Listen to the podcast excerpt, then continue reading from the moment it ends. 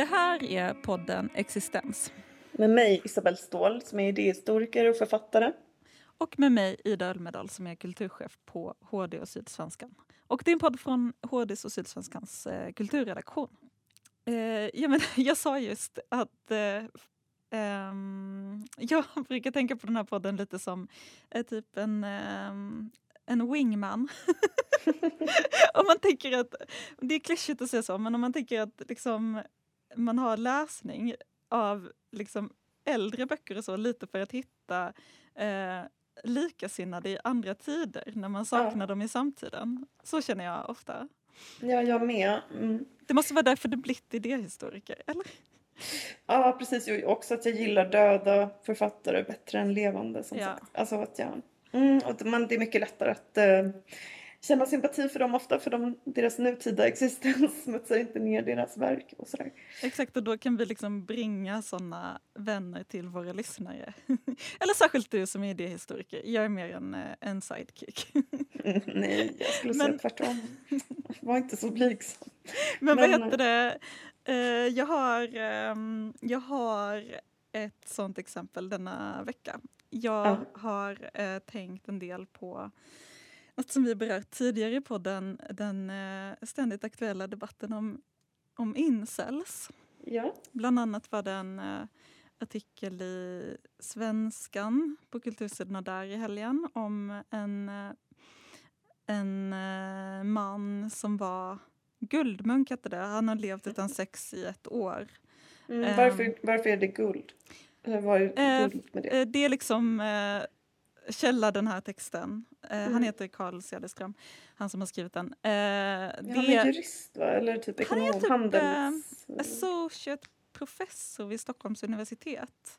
Mm. Vilket lite har med saken att göra för att det är så här, mm. texten det här är inget mot honom men SvD Kultur ramar in texten lite som att den är så här inceldebatten pågår och här är en man som mm. inte eh, haft sex på ett år. Fast grejen är, eller eftersom han är en person som kan skriva på Svenskans kultursidor så är hans liksom incel-liv eh, att han har varit gift, han har barn. han vill hellre hänga med sina barn än att dejta. Eh, och han typ eh, känner en sorts andlig gemenskap med Gandhi. Alltså mm. Gandhi celibat. Så det verkar inte, eller det är väl liksom mm. inte så osjälviskt. Nej men då är det ju inte incel för nej, står ju för involuntary liksom. Men ärligt talat så verkar ju även de som är incels verkar inte riktigt heller vara involuntary för han nej. som gjorde den där skjutningen han sa det sig väl han ville ha sex med snygga kvinnor, typ att han inte fick det. Det var inte Precis. det att han inte fick sex. Så det är lite förvrängt. Just det. Just det. Men jag eh, har tänkt på en grej som är svår att hitta i alla de här texterna om eh, incels. Eh, en faktor som jag själv kan sakna från perioden när jag precis har gjort slut med någon och känt mig eh, som att jag aldrig kommer träffa någon igen och sådär. Mm. Och det är att det kanske bara beror på eh, att man är ful. mm. Och eh, jag har ett förslag på, eller jag har läst en sådan eh, bok eh, som man kan eh, som man kan ha som en, eh, som en vän i detta, som en källa, ja. som en uh, inspiration om man känner att man saknar uh, realistiska förklaringar till sitt singelskap i, i SvD Kultur. Och mm. den boken är en klassiker från 1800-talet, för det är typ mm. det jag håller på med. Det är Frankenstein. Okej. Okay. Var han den första incel? Precis, det är en gammal spaning. Men, eller jag tror inte att den är gammal. Men jag har hört... Det, tror inte jag heller.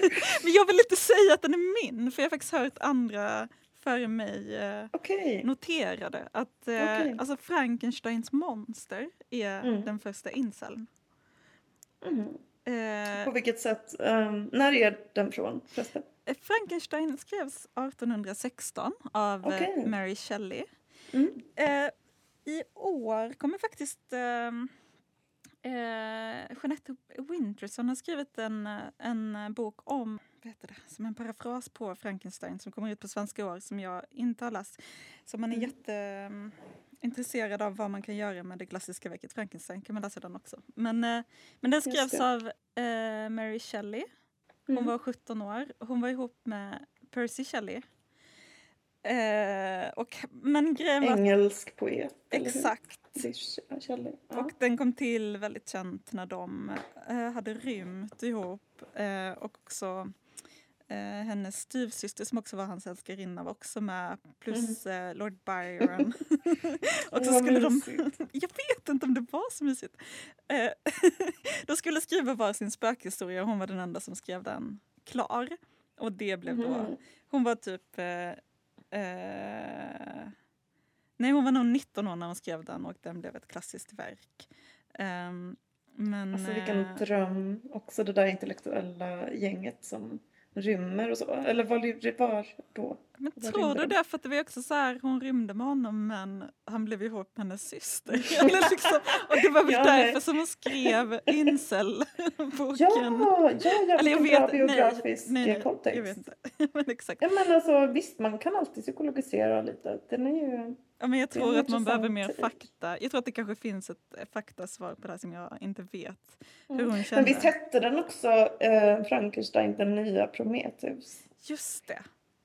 Och Prometheus är alltså, alltså en gestalt i grekisk mytologi som stjäl elden från gudarna och eh, används väl ofta som en metafor för hur människan tar eh, Alltså de hybris. har hybris. Exakt. Och, eh, ja, som teknik och internet och så har det varit en sån vanlig metafor. Och eh, även att män, människan bröt sig ur paradiset eller blev mm. förskjuten därifrån för att hon tar äpplet och sådär. Och ja, hela Exakt. det brottet mot, mot den naturgivna gudomliga ordningen.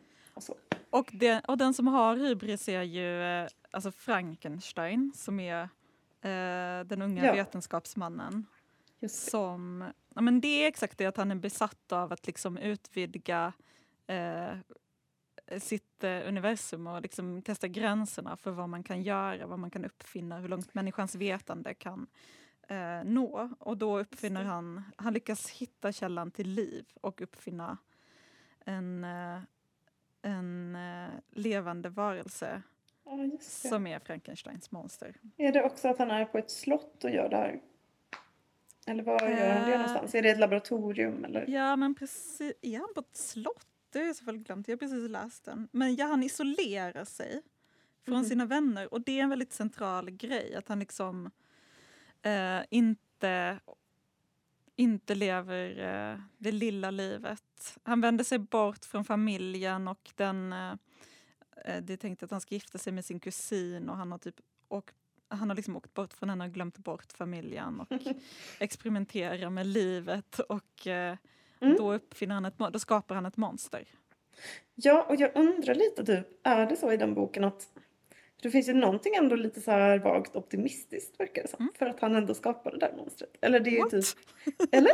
alltså för det som sen händer då, varför Frankensteins monster är den första inceln är ju att han är tyvärr väldigt, väldigt ful. Han är så ful att Frankenstein lämnar honom direkt.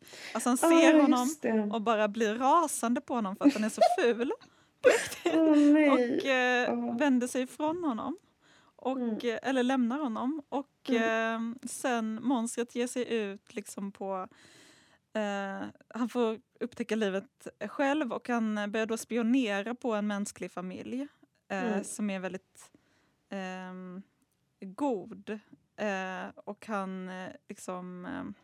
dels lär han sig språket genom att iaktta dem och mm. sen lär han sig också liksom att, ja, men dygden, att han skulle vilja leva med dem ett dygdigt liv. Mm. Och så gör han ett försök att närma sig dem men de tycker också att han är fruktansvärt ful mm. och stöter bort honom. Mm. Eh, eller, eller nej, egentligen är det att han, eh, han blir för desperat. för att pappan i familjen är blind. Han är smart nog att närma sig honom för han har förstått mm. via möten med andra människor att han är ful. Eh, mm. Men eh, han blir för desperat, och, eh, som en incel kan bli. Och pappan stöter bort honom och då blir han en terrorist och börjar mörda eh, sin skapares eh, nära och kära. Oh, dark. Mm. Så mm. Um, det är Frankenstein. Okej, okay. uh, och han, precis, han är incel för att han är ful och det är precis, det finns inget trauma, det finns ingen egentligen? Eller är traumat att han blir bortstött? Det blir ju trauma. Det som gör honom ond det är ju eh, att han blir bortstött. Eller så här, det vet man inte för det är det som är skräcken i Frankenstein att man får ju bara Frank, eller man får ju bara monstrets version. Så, så man kan också mm. tänka sig att han försöker manipulera Frankenstein. Eh, ja. När han, när han hävdar att han från början var god. Eh, och att allt han behöver är ett annat monster att leva med. För att han utpressar Frankenstein om att han vill ha en monsterflickvän som är lika Ja, ful. just det. Det är i alla fall rätt olikt då den här insen som sköt ihjäl de här kvinnorna. Och mm. För han vill ju ha snygga kvinnor liksom. Ja, Men det här begär bara en typ någon likhet. Men eh, just det, och det är likt insen också för att det är liksom att bli bortstött som gör honom ond, säger han själv. Men det är också likt eventuellt då sådana här killar som liksom använder och spelar på någon slags nördig aura och en incel-aura. Men som egentligen har haft massor av kvinnor. Okej. uh, ja, det kan vara så. Alltså, ja, precis, man kan inte veta det heller. Nej, just det. Um, mm. Ja, precis.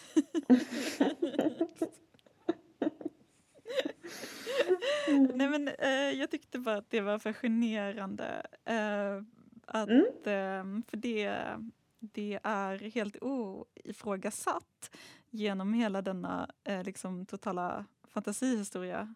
Mm. Ehm, att, han, att, eh, att orsaken till att han är iso, liksom, i isolering, att han är bortvald, är att han är han är ful. och grejen är, Mary Shelley skriver i inledningen att hon eh, har liksom, det är ju en skräckhistoria, eh, det är en fantasi, mm. men hon har försökt bevara de mänskliga psykologiska mekanismerna så som de faktiskt fungerar. Mm. Eller, och eh, det skulle Just. visa sig sen under 1900-talet i i psykologiska experiment att det finns något som kallas för halo-effekten. Som just innebär att vi ofta tror Alltså vi associerar ofta till exempel snygghet med godhet. Ja. Så att vi tror att snygga människor också är ärliga och eh, goda. Ja, gud. Det här har visats mm. i jättemånga psykologiska experiment. Ja, men så är det ju verkligen. De blir mycket bättre behandlade. Men det är väl den där teorin om, om erotiskt kapital och sånt också. Mm. Uh, lite. Ja, just det. Alltså under 1800-talet då, men kanske något senare, så kom det ju en mängd av typ, ja den är väl typ en gotisk roman, mm. den här Frankenstein. Den brukar också beskrivas som romantisk. Men eh, den här typen av romaner som handlar om en man som bryter mot naturen och som är en dubbelgångare finns ju som motiv liksom. Mm. Alltså, alltså typ Dr mm. Jekyll och Mr Hyde? Ja precis och alltså ännu tidigare för den gotiska romanen uppkommer egentligen i andra halvan av 1700-talet och så. Men typ eh, alltså Hoffmans Djävulselixiret och mm. eh, Alltså Mattias Fyr tror jag där som har doktorerat på gotiken. Han kallar väl det mer typ ett, ett modus än en genre för det är liksom en viss stämning som är det gotiska snarare än en hel genre liksom. Att även så här, nutida romaner, typ Alien som min vän, min vän gotikforskaren Per Klingberg sa. Mm. Typ Alien har också gotiska drag typ, för mm. den så här, mm, någon slags melankoli och kuslighet typ. Men Gabriella Håkansson skrev en fantastisk obs-essä i P1 mm. som handlade om dubbelgångarmotivet typ. Just här manliga, en man som typ blir monstruös och så. Mm. Uh, och som uppkommer liksom typ under 1800-talet som tar liksom alltså dubbelgångaren av Dostojevskij och um, ja, Jekyll and Hyde. Och hon tar också så här i True Detective typ. Mm. Dels här, ja men den här väldigt kalla och asociala av detektiverna och den monstruösa mördaren tar hon också som exempel på så männen som också typ gör någonting väldigt gränsöverskridande. Mm. Och att det uppkommer typ i en tid liksom av den viktorianska eran, liksom då gränsöverskridanden är problematiska. Um, men också under typ, ja men dels den industriella revolutionen men också så här att många av de här männen i romanerna är typ jurister och um, de har väldigt så här, högt borgerliga, högt uppsatta positioner i samhället. Mm. Och sen mm. så bryter, bryter typ någon väldigt så här, mörk, dark sida som är monstruös fram ur dem. Mm. Och uh, ja, i en dubbelgångare är det också så här en incel, eller han blir besatt av någon kvinna på en bal och sen så gör han bara bort sig jättemycket och det är liksom helt obesvarat. Men, och han liksom upptäcker då så här någon slags, han möter sig själv på gatan och, som en dubbelgångare och han eh, blir så här, det är någonting väldigt kusligt i det att så här, eh, på den här polerade liksom borgerliga fasaden så bryter någonting annat igenom. och Så. Eh, Gabriella Håkansson så här, var väldigt bra, mycket bättre än vad jag kan återge den. Men, Nej men det var eh, jättebra återgett. Men hur kommer det sig att man mm. just mm. under 1800-talet eller slutet av 1700-talet vill eh, utforska det här? Alltså var kommer det mm. ifrån? Liksom? Jo, alltså hennes tes handlade väl lite om typ eh, Ja men dels just alltså, när kapitalismen växer fram typ och typ det borgerliga offentligheten kanske. Alltså någonting med att de här personerna försöker vara liksom fungerande, civiliserade, rationella så här, i, i liksom behärskande av sig själva och så. Men att eh, det bryter fram en sida av dem själva som de inte kan kontrollera och som är så här, kanske mer djurisk eller som är mera tillhörande naturen på något sätt. Um, det skiljer sig lite från, men hon tar också Frankenstein som ett exempel på lite mm. samma sak. Men att uh, ja, men det är någonting med det som Freud senare skulle liksom tematisera kring sekelskiftet 1900 med liksom det kusliga och mm. att jaget inte är herre i sitt eget hus och att uh, det liksom under lager av civilisation och kultur så finns det det här liksom dödsdriften och liksom driften att förgöra och så. Mm. Att det är ett litet exempel på det. Mm. Men alltså också nästan annan essä av Anna Rabe där hon pratade om alltså gotiken. För att många gotiska författare var just som Mary Shelley kvinnor. Mm. Um, och att de ger uttryck för så här Ja men typ också den här den gula tapeten, den kvinnan i den novellen som blir galen när hon tittar på en tapet och hon är inlåst typ av sin mm. man. Och sådär att det ger ofta röst åt så här kvinnlig sexualitet som är instängd och typ det som inte får plats i det mm. borgerliga viktorianska samhället och sådana saker. Att gotiken är ett uttryck för det liksom och det här mörka, liksom, den västerländska civilisationens nattsida typ. Um, och det som Ja, men undflyr liksom en liten motrörelse på upplysningen nästan. Också att mm, upplysningens ljus. Ja, det måste Men det, ja. det jag undrar med Frankenstein, för där är det ju liksom en man som han är liksom vetenskapsman så han är ju typ en upplysningsman. Han skapar, precis, han har inte den mörka sidan inom sig utan han skapar Han den skapar den. Och det kan man väl tänka sig också så här när man börjar göra vetenskapliga experiment något senare nästan. Den var från 1816 sa du. Ja. Men eh, ja, lite senare så börjar man göra det och så här, det låter nästan som en så här, en bok som trillar. En upplysningskritik. Kritik. Ja, men det, ja, precis. Det var därför jag tyckte att det var intressant att prata om också för att den är så mycket som man kan eh, liksom känna igen från från dagsdebatt, om vi går ifrån det här med incel-grejen. Mm. Så jag menar den stora historien är ju inte monstrets eh, historia utan det är ju tragedin för vetenskapsmannen Frankenstein själv som ja, ju, eh, liksom, vars liv blir sönderslaget av att han skapat ett monster. Och det, och jag ja. menar, och det som har drivit honom dit är ju just att han eh, utmanat eh, naturen. Och Gud. Ja, och även eh, precis sökt sig liksom eh, för långt från eh, familjen och liksom, den lilla världen. Eller liksom så, det finns ja, en sån. Precis. Nej, men jag har alltid känt mig så, det appellerar på mig med det där narrativet. Typ. Med mm. någon som, som leker gud och som skapar ett monster. Typ. Mm. Just genom också att frivilligt isolera sig. Mm. Och för att det, det är typ så likt det man gör när man skriver. Typ mm. Böcker och sånt. Mm. Eh, och annat. Också faktiskt för att det, man måste liksom dra sig så långt från den mänskliga gemenskapen för att för att göra det. Alltså, jag tycker samtidigt att litteratur så uppstår i samtal och sånt. Men mm. ändå att, eh, att för att verkligen genomföra det så måste man typ dra sig undan och eh, det finns något väldigt så här omänskligt med det. Typ. Mm. Och den man, det liksom psykiska tillstånd man kommer in i då är så speciellt. Mm. Det är så liksom, eh, jag tänker mig typ att eh, men typ om det var så här Alex Schulman eller någon som sa att, ah, men, eller om Sigge Eklund kanske sa att jag måste ha det är så skönt att jag vet att när jag skriver så har jag familjen på andra sidan dörren och så. För då känner jag mig ändå förankrad på något sätt. Och, mm. Ja, men jag undrar om litteraturen blir så bra då. jag har ett sånt romantiserat mörkt eh, litterärt ideal. Men uh. att det måste uppstå i någon slags uh, sån Ja, men det finns också en anledning till att man drar sig undan det mänskliga. Det är att man inte kan liksom, kommunicera riktigt genom genom det mänskliga språket i det mellan intersubjektiva liksom, som man måste göra det i. Mm. Ja, precis som den här vetenskapsmannen då som skapar typ ett monster. Um, man bara, varför ska han göra det? Det är så onödigt när det redan finns levande varelser typ. Men han. Ja, mm. precis, det blir så. Jag fattar vad du menar, man kan se det som en mm. allegori för författandet. Över att skriva, ja. ja. Att man måste dra, precis.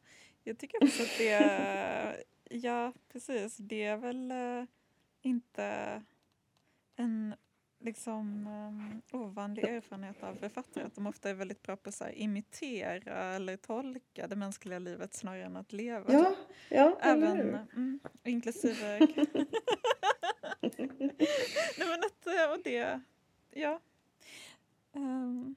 Ja, men uh, han liksom, och precis så, så skapar han någonting men det är inte ens en bra imitation, det är någon som blir jätteful och typ otrevlig och så. Ja, så jo men det är ju det, precis, han, är, han lyckas det är ju det som är det är hybris, han lyckas inte vara gud liksom. Nej. Nej, för jag tycker det är på samma sätt med att man har gjort flygplan liksom. Det tycker jag är så här hybris som borde straffa sig. Mm. Det är mm. så fel. Mm. så jag förstår Mary Shelley.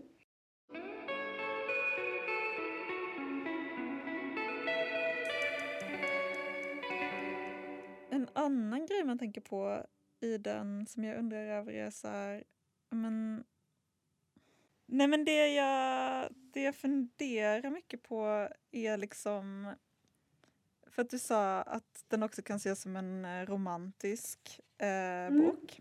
Mm. Eh, och att, alltså tillhörande alltså, romantik. Ja precis, tillhörande romantiken. Och mm. att, alltså man, jag tänker mycket på den här alltså familjen som mm. Frankenstein kommer ifrån.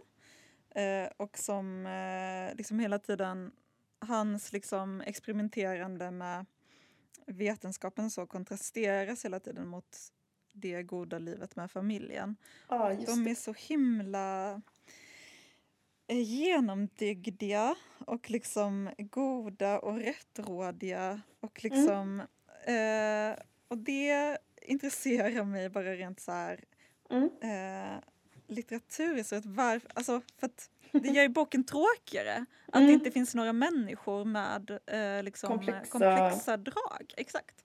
Utan allt det komplexa ligger ju i, i Frankenstein I monstret. Ja, i monstret ja. i princip. Just det. Nej men precis, då kanske det är de här något senare romanerna. Alltså jag tror att Jekyll and Hyde är lite senare. Ja, tror, tror även att Dubbelgångare av Dostojevskij är senare. För där blir det just det här att det kusliga är inom Mm. Det dubbeltydliga är liksom inom människan. Mm.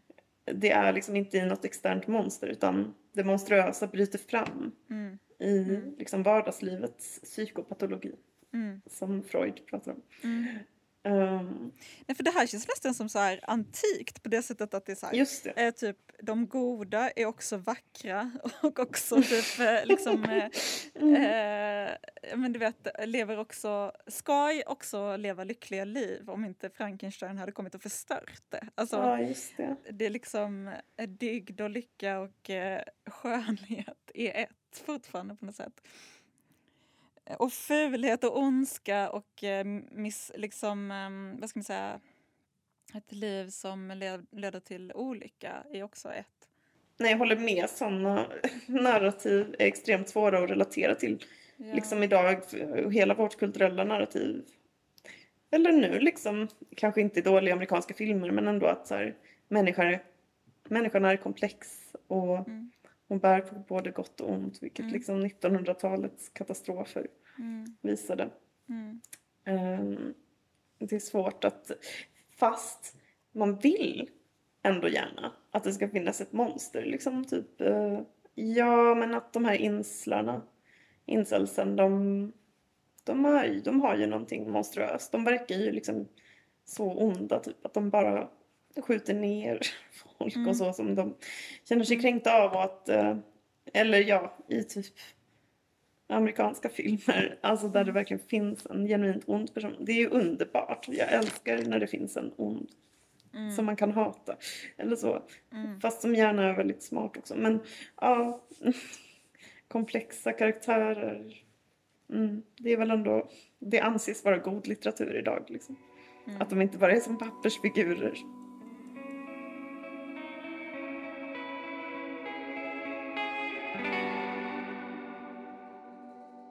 Jag kan, jag kan säga en annan sak om äh, incel-skildringar i vår tid. Äh, som är att jag kan också rekommendera att lyssna på Radiopsykologen. Mm. Senaste avsnittet handlar om en, äh, eller jag tror kanske att det var en reprissändning i och för sig, men om en, en kille som är typ 30 som aldrig har haft en nära relation. Ja. och Eh, ganska snabbt får man veta att det liksom har att göra med att han utsattes för penalism. Han är så mm. uppvuxen på landet och utsattes för mobbing eh, mm. i gymnasiet. Det bara fick mig att, att lyssna på det och jämföra med den här SvD kulturtexten som är jättebra mm. som sagt. Men det fick mig ändå tänka på det som är en aktuell debatt just nu, nämligen eh, funktionen med public service. Som mm. är typ att i ett sånt liksom um, enkelt sammanhang som radiopsykologen får man ändå höra en historia som är så här, en kille uppvuxen på landet som berättar om eh, typ penalism som leder till att man inte kan ha en nära relation. Ja. Vilket är gans och det berättas så inifrån ett subjekt. Mm. Eh, och det sätts inte i någon så politisk eh, kontext eller liksom överteoretiseras inte, generaliseras inte. Och, um, utan det får vara bara hans historia. Liksom. Och ja. det känns mer och mer ovanligt uh, i andra medier. Just för att, ja. ja. men för att de flesta prenumererade tidningar faktiskt riktar sig ändå till någon sorts medelklass. Ja, verkligen. Och där vill man ju ha den här typen av spaningar. Varför gillar medelklassen det här? Är det medelklassens, eh, alltså typ alltid utifrån det perspektivet. Jag är väl själv med och bidrar till det liksom. Men där är det med den typen av narrativ där man har en teori och så tar man typ några brottstycken ur citat från någon för att fylla i den liksom. Men jag kan också uppskatta typ när det bara är en rå berättelse på det där sättet som i radiopsykologen. Ja, och att de ändå har ett uppdrag att göra det. att täcka in hela befolkningen. Uh. Ja, verkligen. Dock så, ja, jag gillar verkligen inte Ring P1 liksom. Nej. Men det är inte, det är inte det är ett annat format. Ja, verkligen. Uh. Det är ju liksom någonting helt annat. Um, ja, och som sagt, alltså i den artikeln i SvD så han frivilligt är uh, utan sexuellt mm. umgänge. Så liksom, det är ju inte incels. Nej men det är ju intressant på ett helt annat sätt. Alltså jag menar det var ju verkligen en mm. läsvärd och väldigt välskriven artikel och så. Mm. Men om man tänker på det ur någon sorts medielogik eh, perspektiv så tänker jag ändå att det är intressant liksom vad som händer om man gör en sån. Jag tror ändå att SvD eh, kultur till exempel, eller det finns liksom, det är väl en generell trend nästan med de här långa personliga mm. essäerna som liksom fördjupar sig i olika samhällsfenomen. Men ja, just verkligen. för att de är personliga så blir det ju ofta då ett perspektiv som är extremt begränsat. Som, bara kan, framf ja, men som kan framföras bara av de som kan skriva väldigt, väldigt bra. Och just det. Så. Verkligen.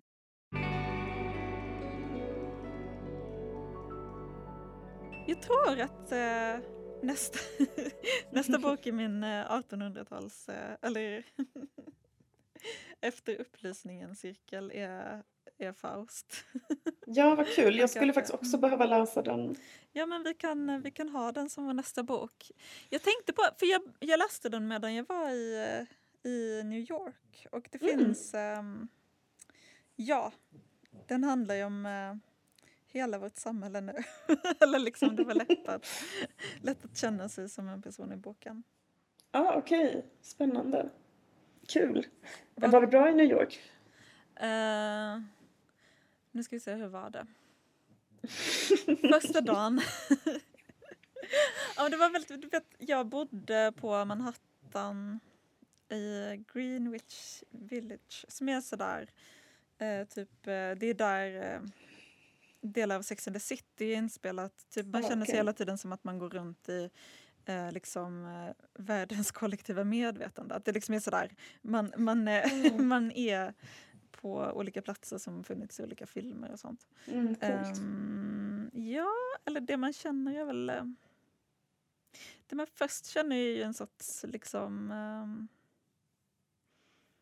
känsla av att man uh, typ uh, borde vara där. Eller bo, du vet känslan av att mm. man borde ta sig dit och att det är där i centrum och att man borde, jag vet inte Aha, Men också någon sorts så här, eh, um, ja men Frankenstein-längtan efter att liksom överta eller överskrida mm. någonting.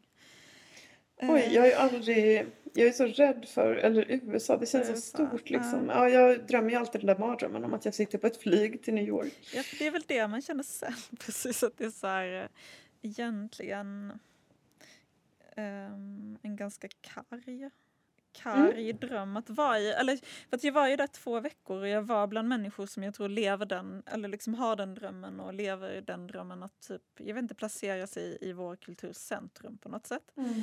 Och att det...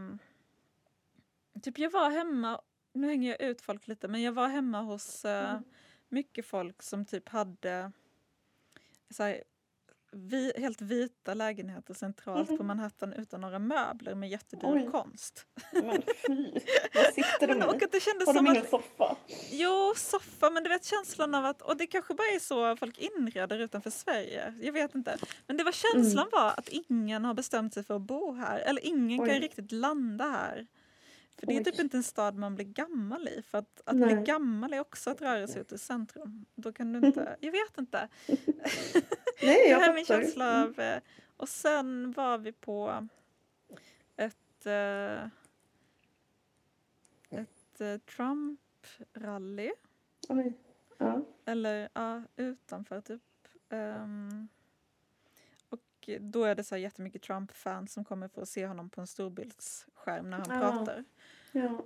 Och det som var lite läskigt med dem var att de hade så himla gott självförtroende. Att utanför stod det typ um, det stod så här, imitatörer, Trump-fans som hade klätt ut sig till Trump mm. och skämtade om typ eh, korruption och Ryssland och sånt som borde vara tabu. Ja. Och det är ett dåligt tecken om de kan göra det. Liksom. Eller om ja, man har så gott självförtroende att man liksom kan driva med det mest känsliga. Ja, eller hur? Alltså, det är, ja, då finns det inget att slå på. Liksom, om de själva redan gör det. Exakt. Mm. Mm. Så det var min, det var min, det var min känsla av USA. Känslan var att jag inte vill bo där. att det är mysigt att komma dit ibland. Mysigt till och med. Ja. ja men liksom, för jag ja. känner folk där. Och så. Ja, det förstår jag. Ja, just det. Jo, men, eh, precis som Europa kanske var världens centrum på första halvan av 1900-talet. Mm. mm. Det är lite skönt att det inte är det längre. Eller liksom. tycker du? Det tycker inte jag. Nej. Jag vill att det ska vara Berlin fortfarande. Men absolut, det är ju skönt på ett sätt. Mm.